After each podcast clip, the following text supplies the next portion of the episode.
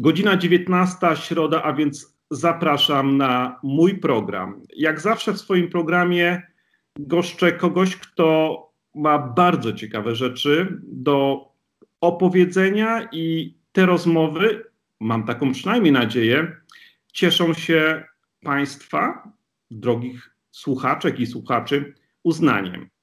Dzisiaj znów wyjątkowy gość mojego wieczoru, Zuzanna Borowska, tegoroczna absolwentka naszego katowickiego liceum, liceum imienia Adama Mickiewicza, a także aktywistka Stowarzyszenia Młodzi dla Klimatu.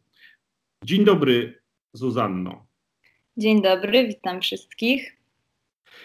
Dzisiaj rozmowa jest e, szczególna, a w zasadzie w dobie po-covidowej może nawet nieszczególna, bo rozmawiamy za pomocą Skype'a, ponieważ Zuzanny nie ma ani w Katowicach, ani w województwie śląskim, ani nawet w Polsce. E, Zuzanno, gdzie teraz jesteś?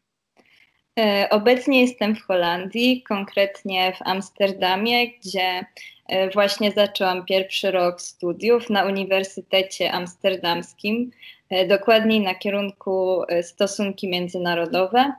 E, bardzo się cieszę z tego, że mogę te studia e, rozpocząć. E, również bardzo się cieszę, że dostałam się na ten kierunek, bo było to moje marzenie i jest to moje marzenie, żeby działać właśnie w organizacjach y, międzynarodowych, y, głównie po to, żeby w przyszłości, mam nadzieję, zająć się właśnie rozwiązywaniem kwestii ekologicznych, kwestii zmian klimatu na poziomie międzynarodowym.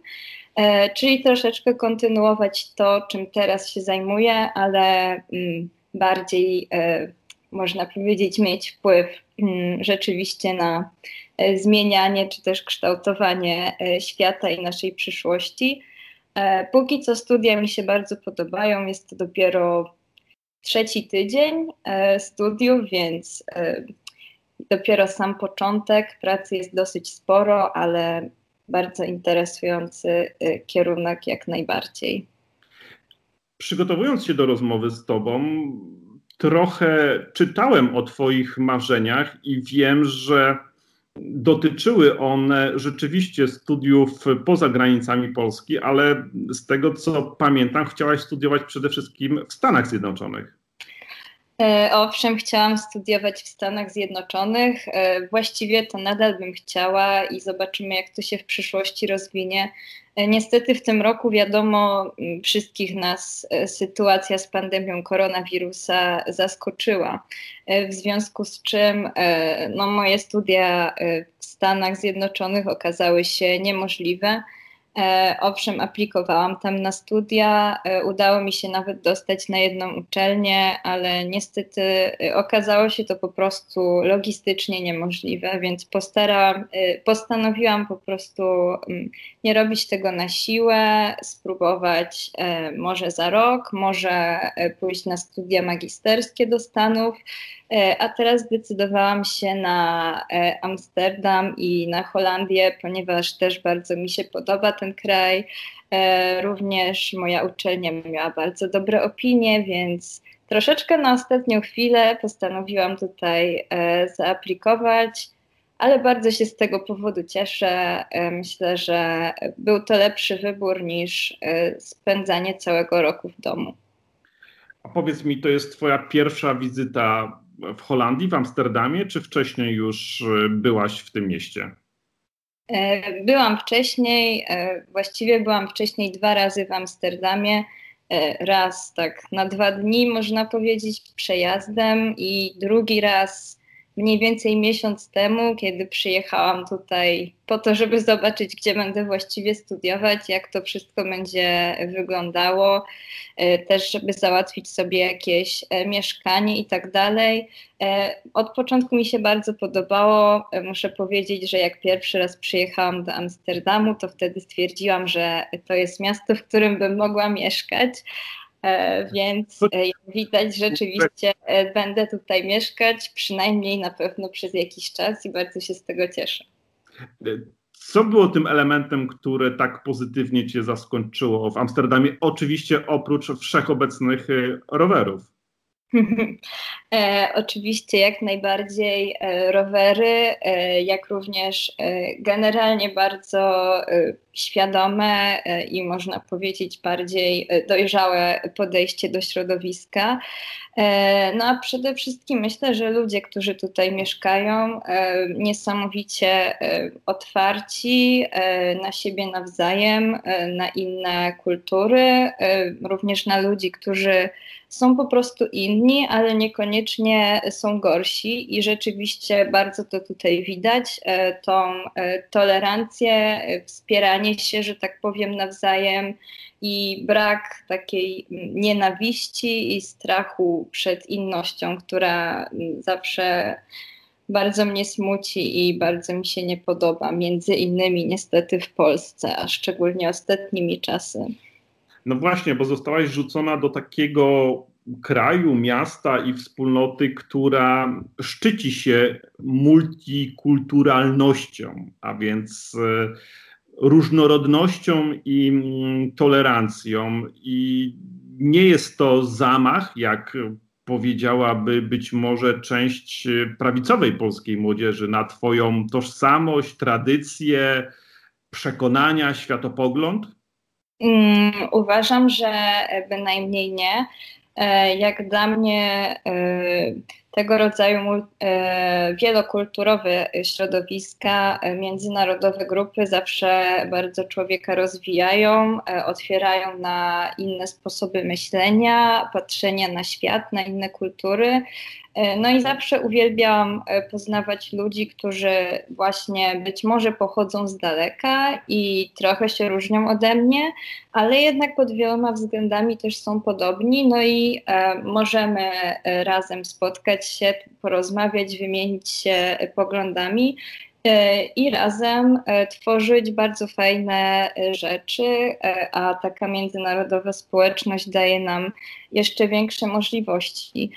Więc ja też już od jakiegoś czasu działam właśnie międzynarodowo w różnych projektach. Głównie to były właśnie projekty związane z ekologią, trochę z działalnością w Organizacji Narodów Zjednoczonych i rzeczywiście mm, bardzo to otwiera na świat i e, wcale nie ma potrzeby bać się ludzi, którzy pochodzą z innych krajów, bo wcale to nie oznacza, że mogą nam zrobić krzywdę e, albo że są źli, tylko są po prostu trochę inni. No ale każdy z nas jest generalnie inny i myślę, że to jest właściwie e, najpiękniejsza rzecz w ludziach, że każdy jest trochę inny i nie ma dwóch takich samych osób. A jak Twoje koleżanki, koledzy z innych e, części świata, którzy studiują na tym samym uniwersytecie, dowiadują się, że, że jesteś z Polski, to jaka jest reakcja? Mm, hmm. Reakcja jest e, różna, ale generalnie zazwyczaj jest to zaciekawienie. Właściwie wszyscy jesteśmy e, zaciekawieni krajami, e, miastami, e, regionami, z których pochodzą e, inni ludzie na tej uczelni, bo mamy naprawdę no, osoby z całego świata. I dla mnie też to jest bardzo ciekawe, kiedy mogę się dowiedzieć bezpośrednio na przykład od osoby, która mieszka właśnie w Ameryce czy w Anglii, jak to u nich wygląda, więc głównie jest to takie przyjacielskie zaciekawienie, można powiedzieć. E, nie ma na pewno jakiegoś e, osądzania o to, że jak ktoś jest z innego kraju, to jest taki albo taki. E, prawda jest taka, że jak zaczynamy rozmawiać trochę o polityce, wiadomo, na moim kierunku to się często dzieje, no i trzeba mówić o polskim rządzie, to czasami jest mi tak trochę głupio, można powiedzieć, kiedy słyszę jak e, w innych krajach rzeczywiście władze są takie bardziej e, otwarte i potrafią radzić sobie z różnymi problemami e, i podejmować działania, na przykład e, tak jak to jest w przypadku ekologii. W Polsce jest z tym trochę trudniej. E, no ale myślę, że głównie jest to wymiana poglądów i wymiana spostrzeżeń, jak różne kraje wyglądają, co też jest bardzo ciekawe i później może się przyczynić do różnych ciekawych wniosków i pomysłów na to, jak mogę też działać właśnie w swoim kraju. Zaprosiłem Cię do rozmowy, ponieważ chciałbym trochę lepiej poznać młodych ludzi, którzy angażują się na rzecz e, pracy związanej ze zmianami klimatu. I pierwsze pytanie jest e, historyczne, chociaż e, kieruję to do osoby, która ma 19 lat prawdopodobnie, ale czy pamiętasz dzień, kiedy postanowiłaś że zaangażujesz się na rzecz e, klimatu, że usłyszałaś o tym, że to słowo klimat nagle w jakiś sposób cię uderzyło i pomyślałaś i podjęłaś decyzję, że mm, nie można być dłużej obojętną. E, no, u mnie to się zaczęło e, w grudniu 2018 roku, wtedy, kiedy w Katowicach była konferencja COP24, czyli szczyt klimatyczny. E, I właściwie nie ukrywam, że było to u mnie trochę przypadkiem, bo wcześniej byłam zainteresowana też różnymi formami takiej działalności społecznej, ale nie wiedziałam konkretnie, jaki temat najbardziej mnie zainteresuje. E, no i było to tak, że e, jakiś miesiąc przed e, tym szczytem klimatycznym pojechałam na taką inną, mniejszą konferencję i tam właśnie zupełnym przypadkiem, można powiedzieć, zdarzyło się tak, że zostałam zaproszona na ten szczyt klimatyczny żeby wziąć udział w debacie młodzieży właśnie dotyczącej zmian klimatu.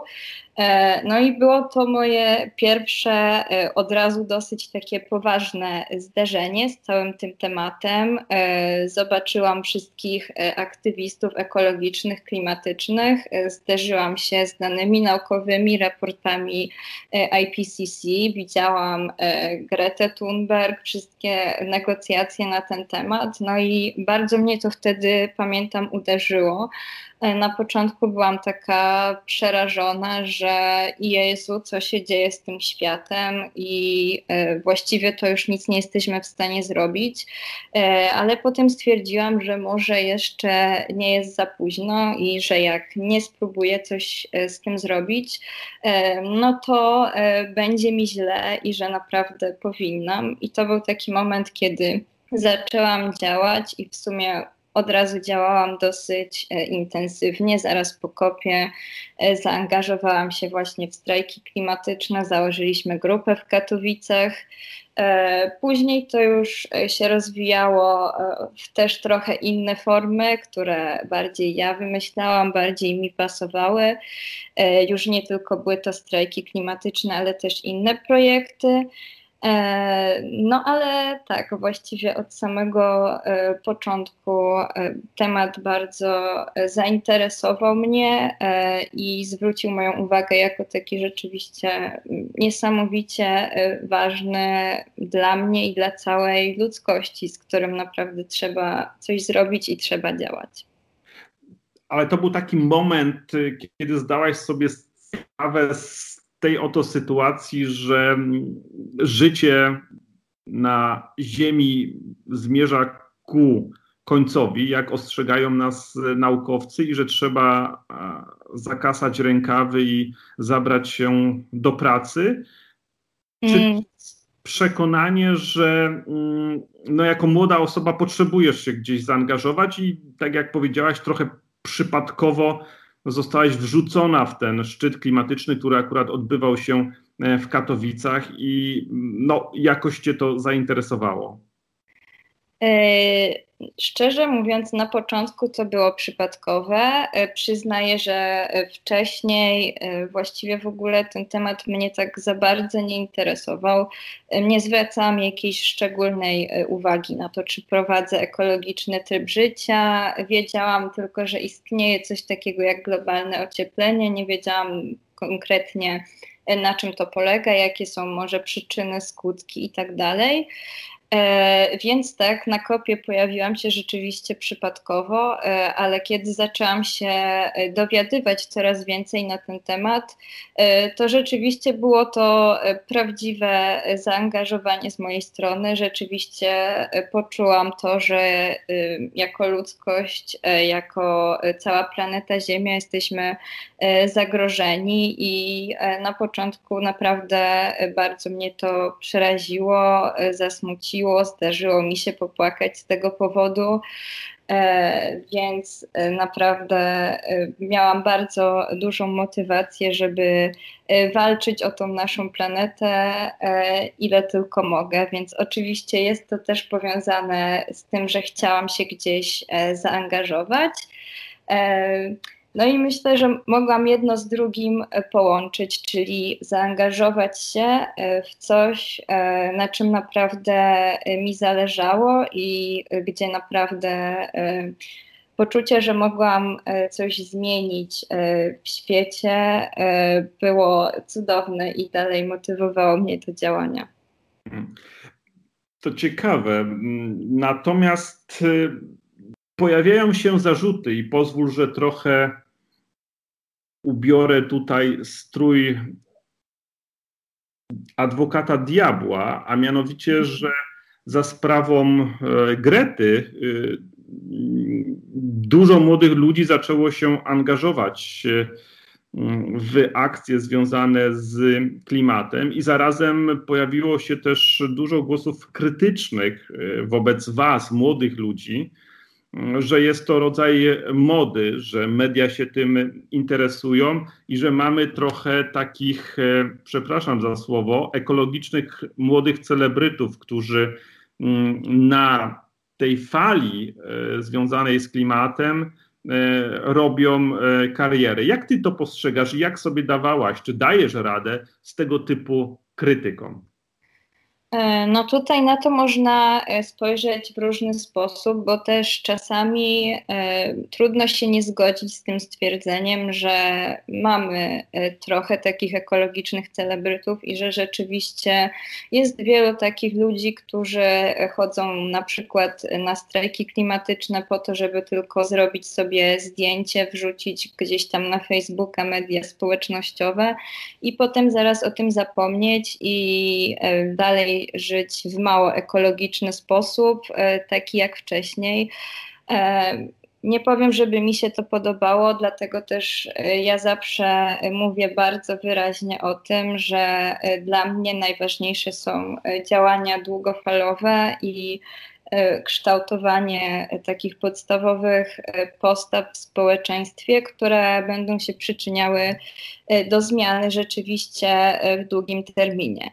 E, nie da się ukryć, że Greta Thunberg media bardzo zainteresowała, e, no i doprowadziło to do wielu mm, nie do końca fajnych e, zjawisk, gdzie często media bardziej skupiają się na samej Grecie i na różnego rodzaju jej wpadkach, e, niż na samym temacie zmian klimatu.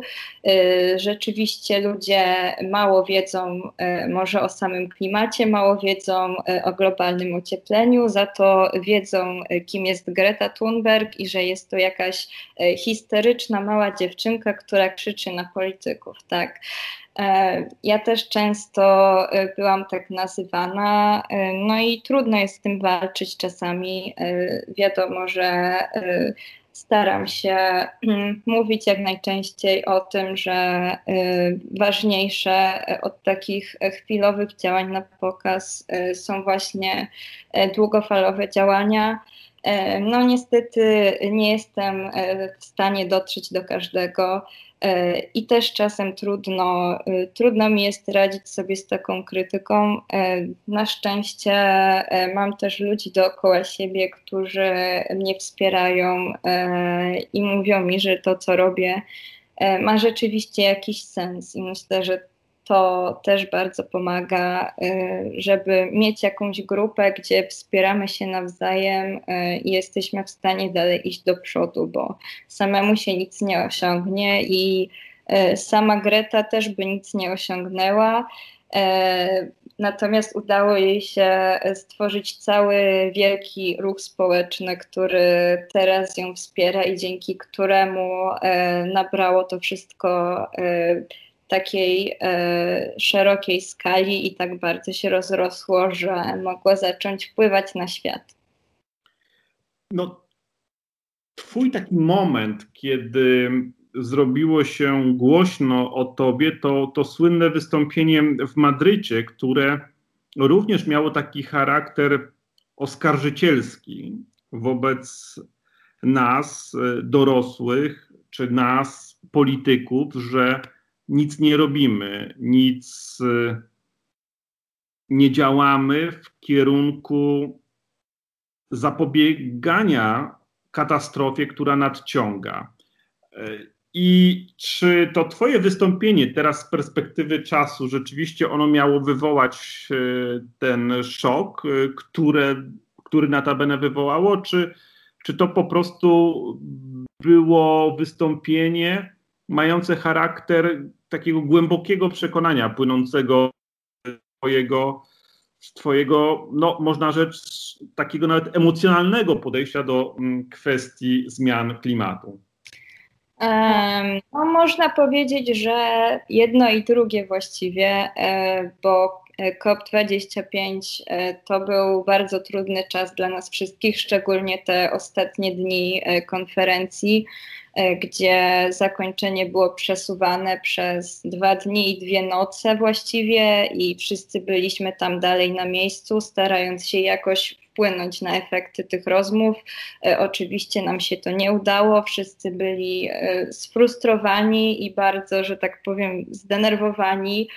E, na to, że właściwie nie udało się nic ustalić, więc e, jak najbardziej e, trochę celem tego przemówienia było pokazanie tej frustracji, szczególnie właśnie frustracji młodych osób, o których tak naprawdę przyszłość mieliśmy walczyć na tej konferencji. No i okazało się, że tak naprawdę politykom aż tak bardzo y, się nie śpieszy, żeby tą przyszłość e, uratować.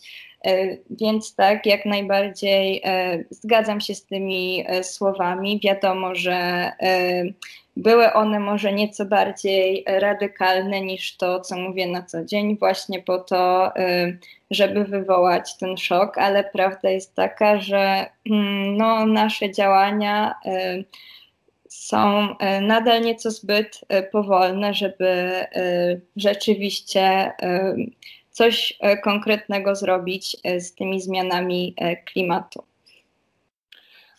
A powiedz mi, jak rozmawiasz ze starszym pokoleniem, nawet swoich rodziców czy znajomych, Y, twoich rodziców, z rodziny, mm, czy też y, z politykami? Czy masz poczucie, że ta świadomość powoli, powoli się zmienia? Innymi słowy, czy mm, masz takie oto przekonanie, że ten klimat rzeczywiście e, zszedł pod strzechy, kwestia klimatu, i że mm, zaczynamy mieć świadomość, że albo weźmiemy się na serio za bary ze zmianami klimatycznymi, albo wszyscy e, zostaniemy przez negatywne skutki owych zmian zmiecieni z tej planety. Hmm. Muszę powiedzieć, że e, tutaj może być mi też trochę ciężko to obiektywnie ocenić, bo ja sama zaczynam coraz bardziej się obracać wśród ludzi, którzy tym tematem są zainteresowani e, i właściwie teraz praktycznie wszyscy moi znajomi to są różni działacze ekologiczni i tak dalej.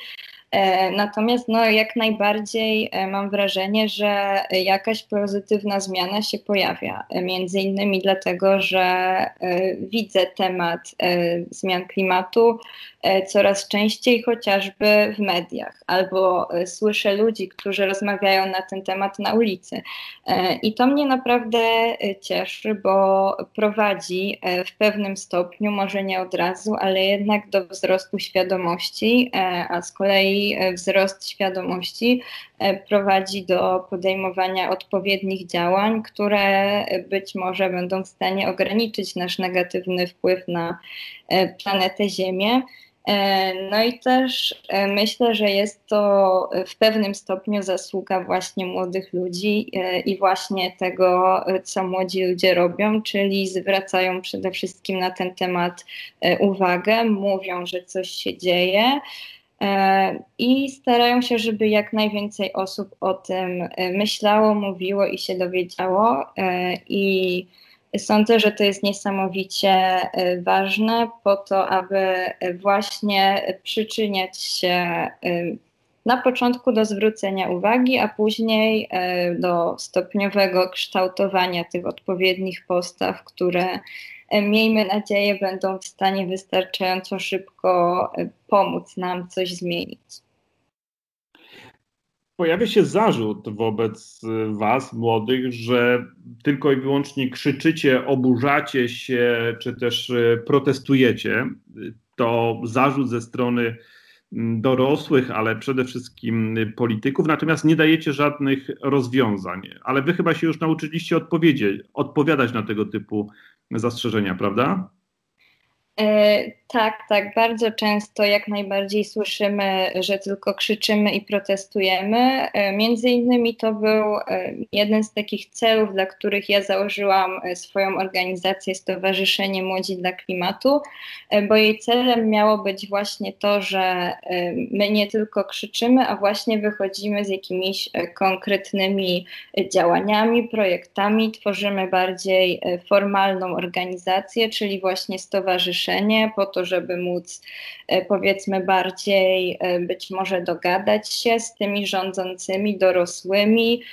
E, no a poza tym też prawda jest taka, że młodzi ludzie nie do końca są od tego, żeby wymyślać dorosłym gotowe rozwiązania. Młodzi ludzie właśnie są od tego, żeby się buntować i tak zawsze było. Wiadomo, że Mamy szalone czasami pomysły, czasami e, trudne do zrealizowania, ale e, od tego właśnie jest młodość, żeby e, mieć tą energię, która popycha świat do przodu i być może za parę lat powstaną z tego jakieś bardziej konkretne mm, rozwiązania, jeżeli tylko będziemy w stanie połączyć siły właśnie młodsi i starsi żeby razem zrobić coś w naszym wspólnym interesie, którym jest e, przetrwanie po prostu i zatrzymanie e, tej katastrofy klimatycznej, która nadchodzi. Dobrze, uporaliśmy się z starszym pokoleniem, do którego ja należę, ale wy macie też gorących, by nie rzec nawet zaciekłych przeciwników wśród swoich rówieśników. I szczególnie z tej prawej strony, jeżeli mogę tak powiedzieć, sporu politycznego i światopoglądowego, gdzie mm, duża część właśnie prawicy uważa, że nie mamy do czynienia z globalnym ociepleniem, tylko mamy do czynienia z globalną ściemą.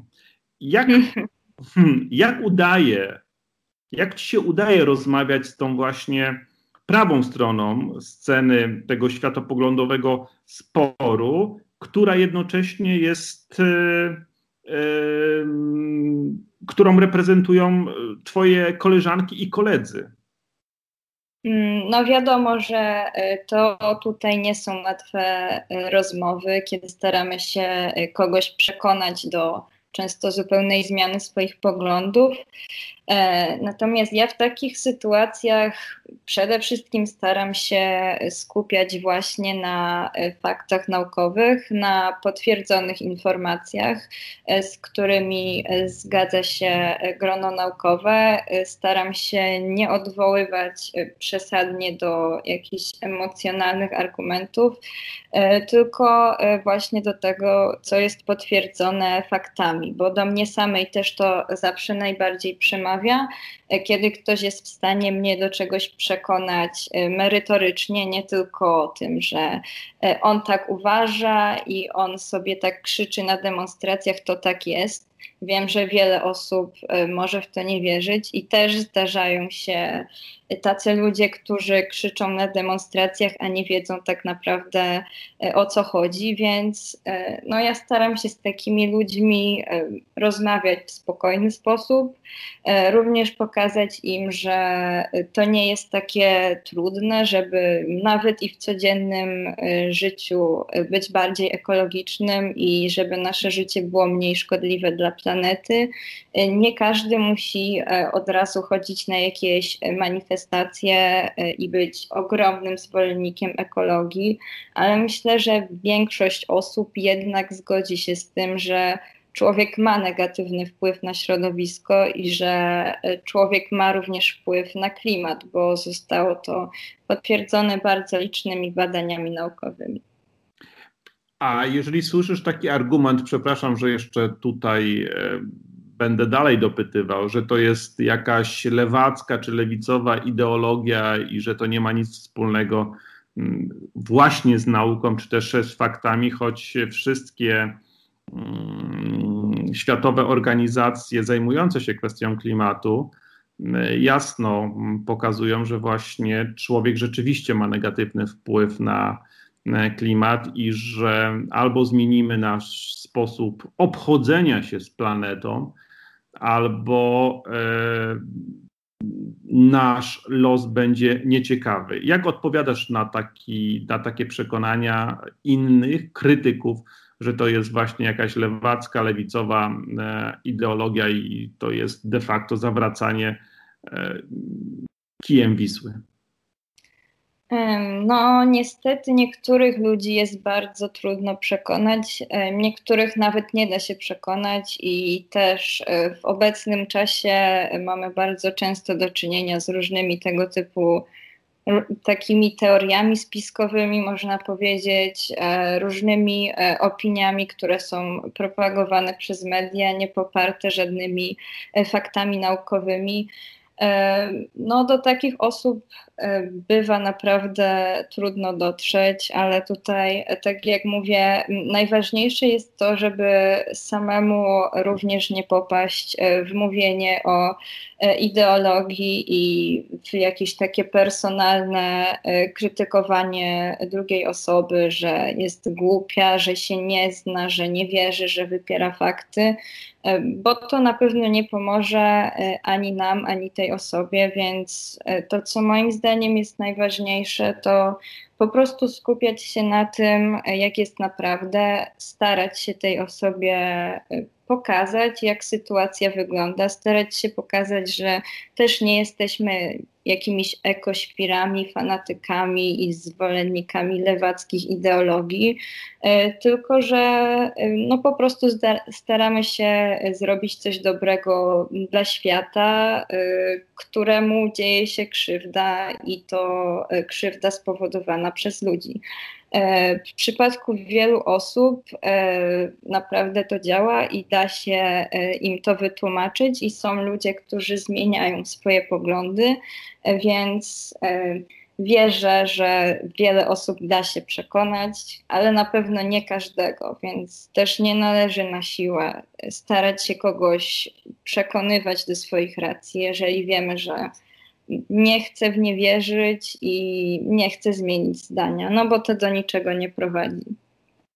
No, jest rozum teoretyczny, czyli te racje, o których teraz rozmawiamy i argumenty, które rzeczywiście wydają się niepodważalne, aczkolwiek są osoby, które dość y, konsekwentnie bronią się przed siłą argumentów, ale jest też druga strona etyczna, jeżeli mogę tak powiedzieć, tego problemu, a mianowicie świadectwo czy też przykład. I gdybym teraz poprosił Cię o wskazanie, jak można przyczynić się poprzez zmiany w swoim życiu, e, walcząc właśnie ze zmianami e, klimatycznymi.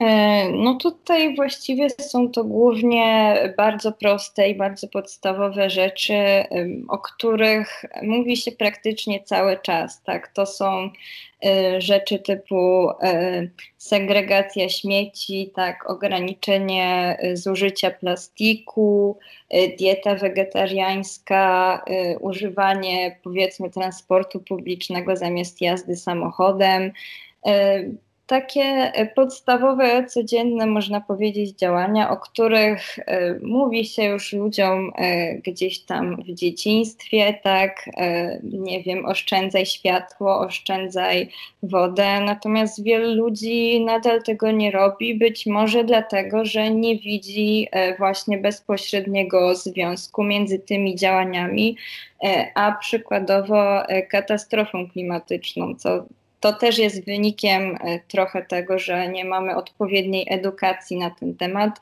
i nie uczymy się, jaki to ma wpływ. Bo może gdyby ludzie zobaczyli, że rzeczywiście jest e, zagrożenie e, w tym momencie, z którym możemy się starać walczyć, to być może również bardziej by się postarali. Tak jak to trochę na przykład było w moim przypadku. Y, gdzie dowiedziałam się o tym, jaka jest sytuacja i jaki jest problem, i wtedy zaczęłam również w swoim życiu y, wprowadzać pewne zmiany. No i ważne jest też to, żeby y, rozmawiać z innymi ludźmi na ten temat, zachęcać ich do tego, żeby oni również w swoim życiu pewne zmiany wprowadzali, bo można to robić na różny sposób. Można być aktywistą klimatycznym, który stara się te zmiany y, wprowadzać bardziej na poziomie zmian systemowych, ale można też y, po prostu na co dzień starać się pomagać Ziemi albo przynajmniej jeszcze bardziej jej nie niszczyć. Rzeczywiście jest tak, że ludzie mają problem z połączeniem tych e, zmian, negatywnych zmian klimatycznych z wpływem na konkretne nasze życie. To się dzieje być może w jakimś stopniu przy okazji, kiedy jak teraz widzimy szalejące pożary y, w Kalifornii, w Stanach Zjednoczonych, albo jak płonęła y, Australia kilka miesięcy temu, albo by wrócić na nasze śląskie, katowickie podwórko, kiedy mm, ponad rok y, temu w przeciągu 30 minut nasz tunel zamienił się w rzekę, prawda, z racji bardzo intensywnych y, opadów. Wtedy pojawia się ten moment, właśnie to są te zmiany mm, klimatyczne i ich negatywne konsekwencje, które będą miały wpływ i mają wpływ y, na nasze życie. Być może wtedy powinniśmy bić na alarm i mówić, właśnie to jest ta negatywna konsekwencja tego, że mm, nadal zachowujemy się tak, jakby się nic y, nie działo i jakbyśmy żywili przekonanie, że istnieje planeta B, na którą się wyprowadzimy, jeżeli ta przestanie mm, spełniać nasze oczekiwania. Mm, no, jak najbardziej tak. E, sama uważam e, i też e, mówię o tym bardzo często, że nies niesamowicie ważne jest odniesienie właśnie tego problemu e, zmian klimatu do naszego codziennego życia, bo wielu osobom wydaje się, że mm, to jest właśnie jakiś tam e, oddalony bardzo od nas spór naukowy, spór polityczny, e, jakieś różnego rodzaju teorie, które nie mają z nami nic wspólnego. No a tutaj okazuje się, że zaczynamy doświadczyć tego w życiu codziennym, czy to właśnie pożary, czy fale upałów, susze i tak dalej. No wielu osobom myślę, że dają do myślenia. Jeżeli będziemy mówić o tym, że to właśnie są skutki tych zmian klimatu, które są tą odległą teorią naukową i sporem politycznym, to wtedy jesteśmy w stanie dotrzeć do ludzi naprawdę szybko, bo ludzie mają właśnie tak, że zazwyczaj dopiero poczucie zagrożenia e, powoduje e, w nich e, motywację do działania, czyli mamy tendencję do tego, żeby na wszystko reagować za późno. No i jak najbardziej zgodzę się z tym, że te obecne różnego rodzaju kataklizmy ekologiczne są dosyć dobrym pretekstem do tego, żeby żeby jeszcze bardziej rzeczywiście nagłaśniać temat e, i pokazywać te relacje między e, zmianami klimatu a naszym codziennym życiem. W ostatniej części rozmowy chciałbym trochę, abyśmy podyskutowali, porozmawiali o długofalowych działaniach, bo o nich e, mówiłaś. W pierwszej kolejności wspominałaś o takim zaangażowaniu międzynarodowym Twoim i na tworzeniu e, takiej wspólnoty, rozumiem, trochę mm, sieciowej, która mm, działałaby mm, wspólnie i mówiła o negatywnych konsekwencjach zmian e, klimatycznych. Gdybyś mogła coś więcej powiedzieć właśnie o tworzeniu tej siatki aktywistów klimatycznych w skali międzynarodowej. E, no, tego rodzaju e, sieć aktywistów, można powiedzieć, istnieje już e, od jakiegoś czasu. Ja sama trafiłam właśnie głównie do tej takiej organizacji młodzieży skupionej wokół ONZ i tych negocjacji klimatycznych w ONZ.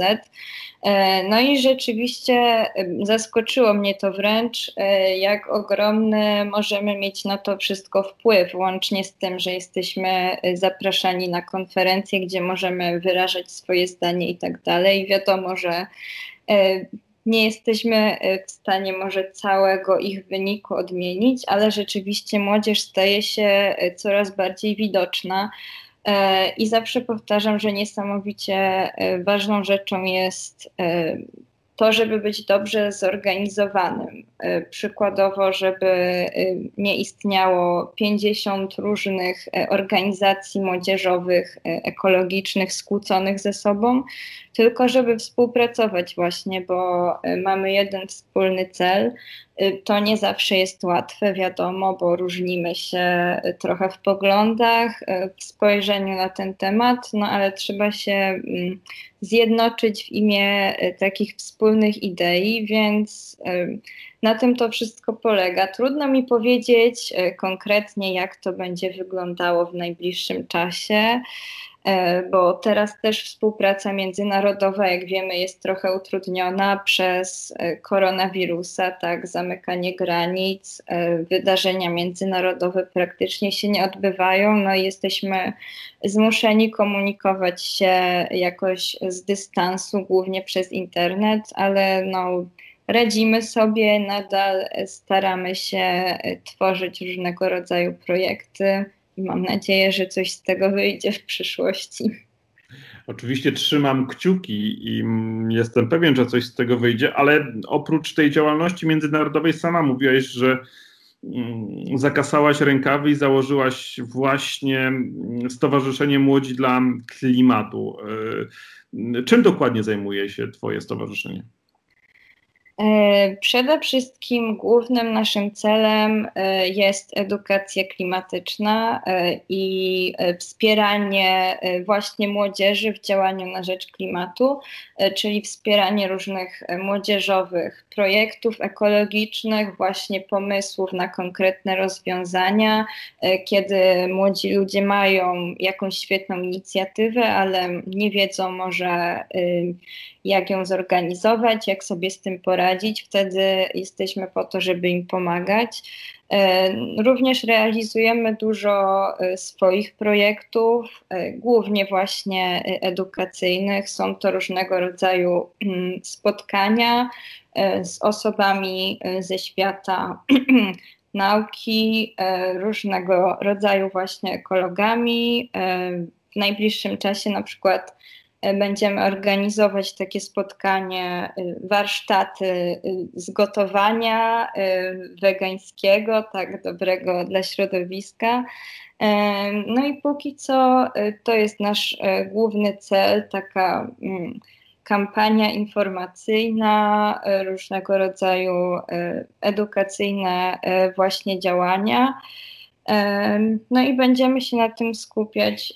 Zobaczymy też, jak się to wszystko rozwinie. Mieliśmy wiele pomysłów na projekty jeszcze przed pandemią koronawirusa, między innymi na mm, prowadzenie warsztatów w szkołach dla młodszych i starszych dzieci, różnego rodzaju e, spotkania, gdzie też e, można by się e, ze sobą spotkać, dowiedzieć różnych rzeczy. Niestety obecnie jest to utrudnione, więc głównie działamy poprzez media społecznościowe, starając się mm, informować o tym, co się obecnie dzieje y, z klimatem i y, o tym, w jaki sposób można y, zmieniać właśnie swoje nawyki życiowe. Też promujemy różne ciekawe inicjatywy. No i staramy się, żeby właśnie o temacie się mówiło i żeby jak najwięcej się działo w tym zakresie. A powiedz mi, jak to będziesz łączyć ze swoimi studiami Amsterdamie? Bo rozumiem, że stowarzyszenie działa tutaj mm, na Śląsku. E, stowarzyszenie działa e, na Śląsku i nie tylko, można powiedzieć, bo e, mamy też członków z innych miast. Chwilowo, że tak powiem, i tak e, działalność przeniosła się e, rzeczywiście głównie e, do internetu, więc też nie ma takiej konieczności, żebym ja konkretnie była na miejscu. No i też jest wielu innych ludzi, którzy ewentualnie na miejscu mogą działać, i ja też na pewno będę wracać, bo tutaj nie chodzi o to, żeby wyjechać i zapomnieć o tym, co się E, właśnie w Polsce czy na Śląsku dzieje, e, tylko żeby dzięki tej wiedzy, którą tutaj zdobędę, móc też e, jeszcze w bardziej skuteczny sposób rozwiązywać te problemy, które dzieją się u mnie w domu, bo myślę, że właściwie jest tam o wiele, o wiele więcej do zrobienia w tym zakresie niż tutaj, więc na pewno nadal bardzo chciałabym działać. E, i mam nadzieję działać jak najbardziej skutecznie. Oczywiście trzymam kciuki, żeby tak e, było, ale jeszcze na koniec, czy już znalazłaś jak,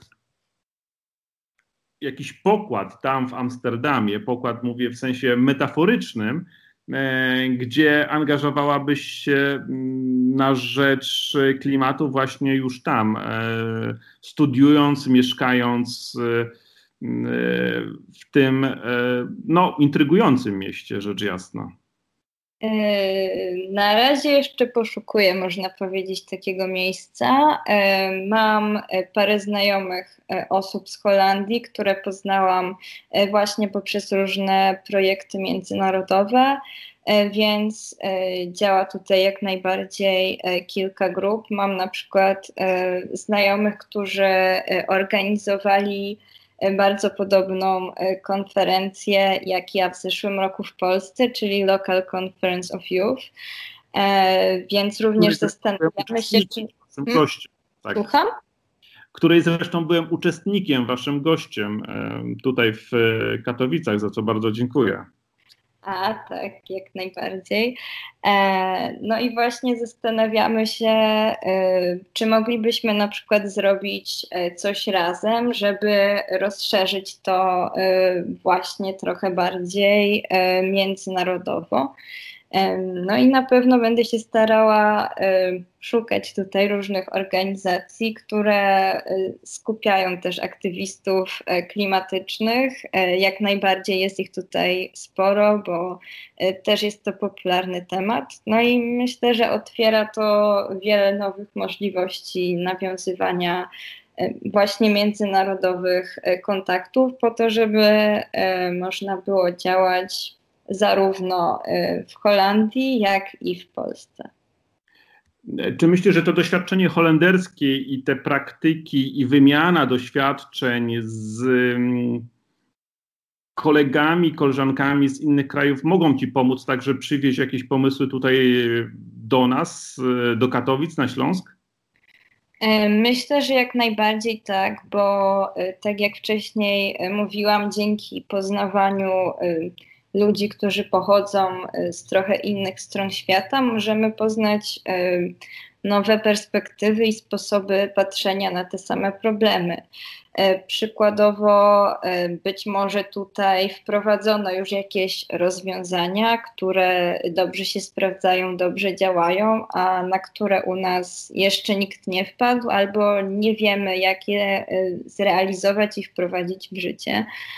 Więc myślę, że na pewno będzie tutaj szansa zainspirować się trochę i zdobyć jakieś nowe doświadczenia i nowe pomysły, bo właściwie też był to jeden z głównych powodów, dla których zdecydowałam się wyjechać na studia za granicę, po to, żeby właśnie zdobyć jakąś nową perspektywę i nową inspirację. Przez chwilę sądziłem, że ta twoja ucieczka ze Śląska to jest ucieczka przed smogiem, a sezon już tuż, tuż za rogiem. E, no, trochę być może też e, tak, ale jak wiadomo, e, uciec można na chwilę, a problem pozostanie, więc mam ogromną nadzieję, że zamiast uciekać, być może będę w stanie przyczynić się do tego, żeby jakoś ten problem został zmniejszony i się nie pogarszał coraz bardziej. Być może kiedyś będzie tak, że e, prawda, Katowice staną się drugim Amsterdamem, gdzie wszyscy jeżdżą e, rowerami, e, nie ma e, spalin. E, no nie wiem, może kiedyś tak się stanie. Trzymamy kciuki za mm, Katowice. Ja osobiście bardzo, bardzo mocno raz, że jestem mieszkańcem, co jest absolutnie rzeczą fundamentalną. Dwa, jestem obecnie radnym miasta mm, Katowice i nie wiem, czy doszła do ciebie ta wiadomość, ale jako mm, radni i też z mojej inicjatywy udało nam się powołać Komisję Klimatu y, w Radzie Miasta Katowice. E, tak, tak, jak najbardziej e, dotarła do mnie informacja na ten temat. Bardzo się cieszę, że e, Katowice coraz bardziej się w ten temat angażują i mam tylko ogromną nadzieję na to, że działania komisji będą skuteczne, że będą mogli się w nie zaangażować również mieszkańcy miasta no i że e, być może rzeczywiście za niedługo e, w Katowicach będzie się już dało trochę lepiej oddychać w sezonie smogu. Słuchaj, już naprawdę na koniec w takim razie mm, Amsterdam, miasto, miasto rzecz jasna rowerów. Czy już mm, masz rower swój własny, czy też korzystasz z mm, roweru miejskiego? E, na razie jeszcze swojego e, własnego nie mam, e, ale tutaj to nie jest taki duży problem, bo jest bardzo wiele miejsc, w których rower sobie można wypożyczyć. Właściwie są na każdym kroku, bo naprawdę każdy tutaj jeździ rowerem, co przyznaję jest dla mnie dosyć niesamowite, bo w Polsce nie potrafię sobie tego wyobrazić. W Polsce wychodzi się na rower raz na pół roku, żeby gdzieś tam pojechać w góry, bo właściwie jeżdżenie normalnie rowerem jest niebezpieczne i nieszczególnie przyjemne, bo nie ma do tego warunków, a tutaj jest to normalny środek transportu, więc też jestem pod wrażeniem e, i no właściwie w ogóle samochodów tutaj jest naprawdę mało i no mam tylko nadzieję, że być może w Polsce y, też kiedyś tak będzie y, i, y, i że też ludzie będą dzięki temu zdrowsi, w lepszej formie i będą ograniczać również swój wpływ negatywny na środowisko. Tego się trzymamy, o to walczymy i mam nadzieję, że jak wrócisz po studiach do Katowic, to w dużo większym stopniu, przynajmniej pod względem rowerowym, będą przypominać Amsterdam. Mhm. Szanowni Państwo, była ze mną Zuzanna Haborowska. Zuzanno, bardzo Ci dziękuję za tą e, rozmowę, za to, że znalazłaś czas w tym intensywnym dla Ciebie okresie, bo początek roku akademickiego, przypomnijmy, na Uniwersytecie e, w Amsterdamie. Trzymamy kciuki za Twoją edukację, za działalność Twojego stowarzyszenia. Młodzi dla Klimatu i mam nadzieję, że gościłem Cię pierwszy raz, ale na pewno nie ostatni. Dziękuję bardzo e, za rozmowę i mam nadzieję również, że to nie ostatni raz. Dobranoc.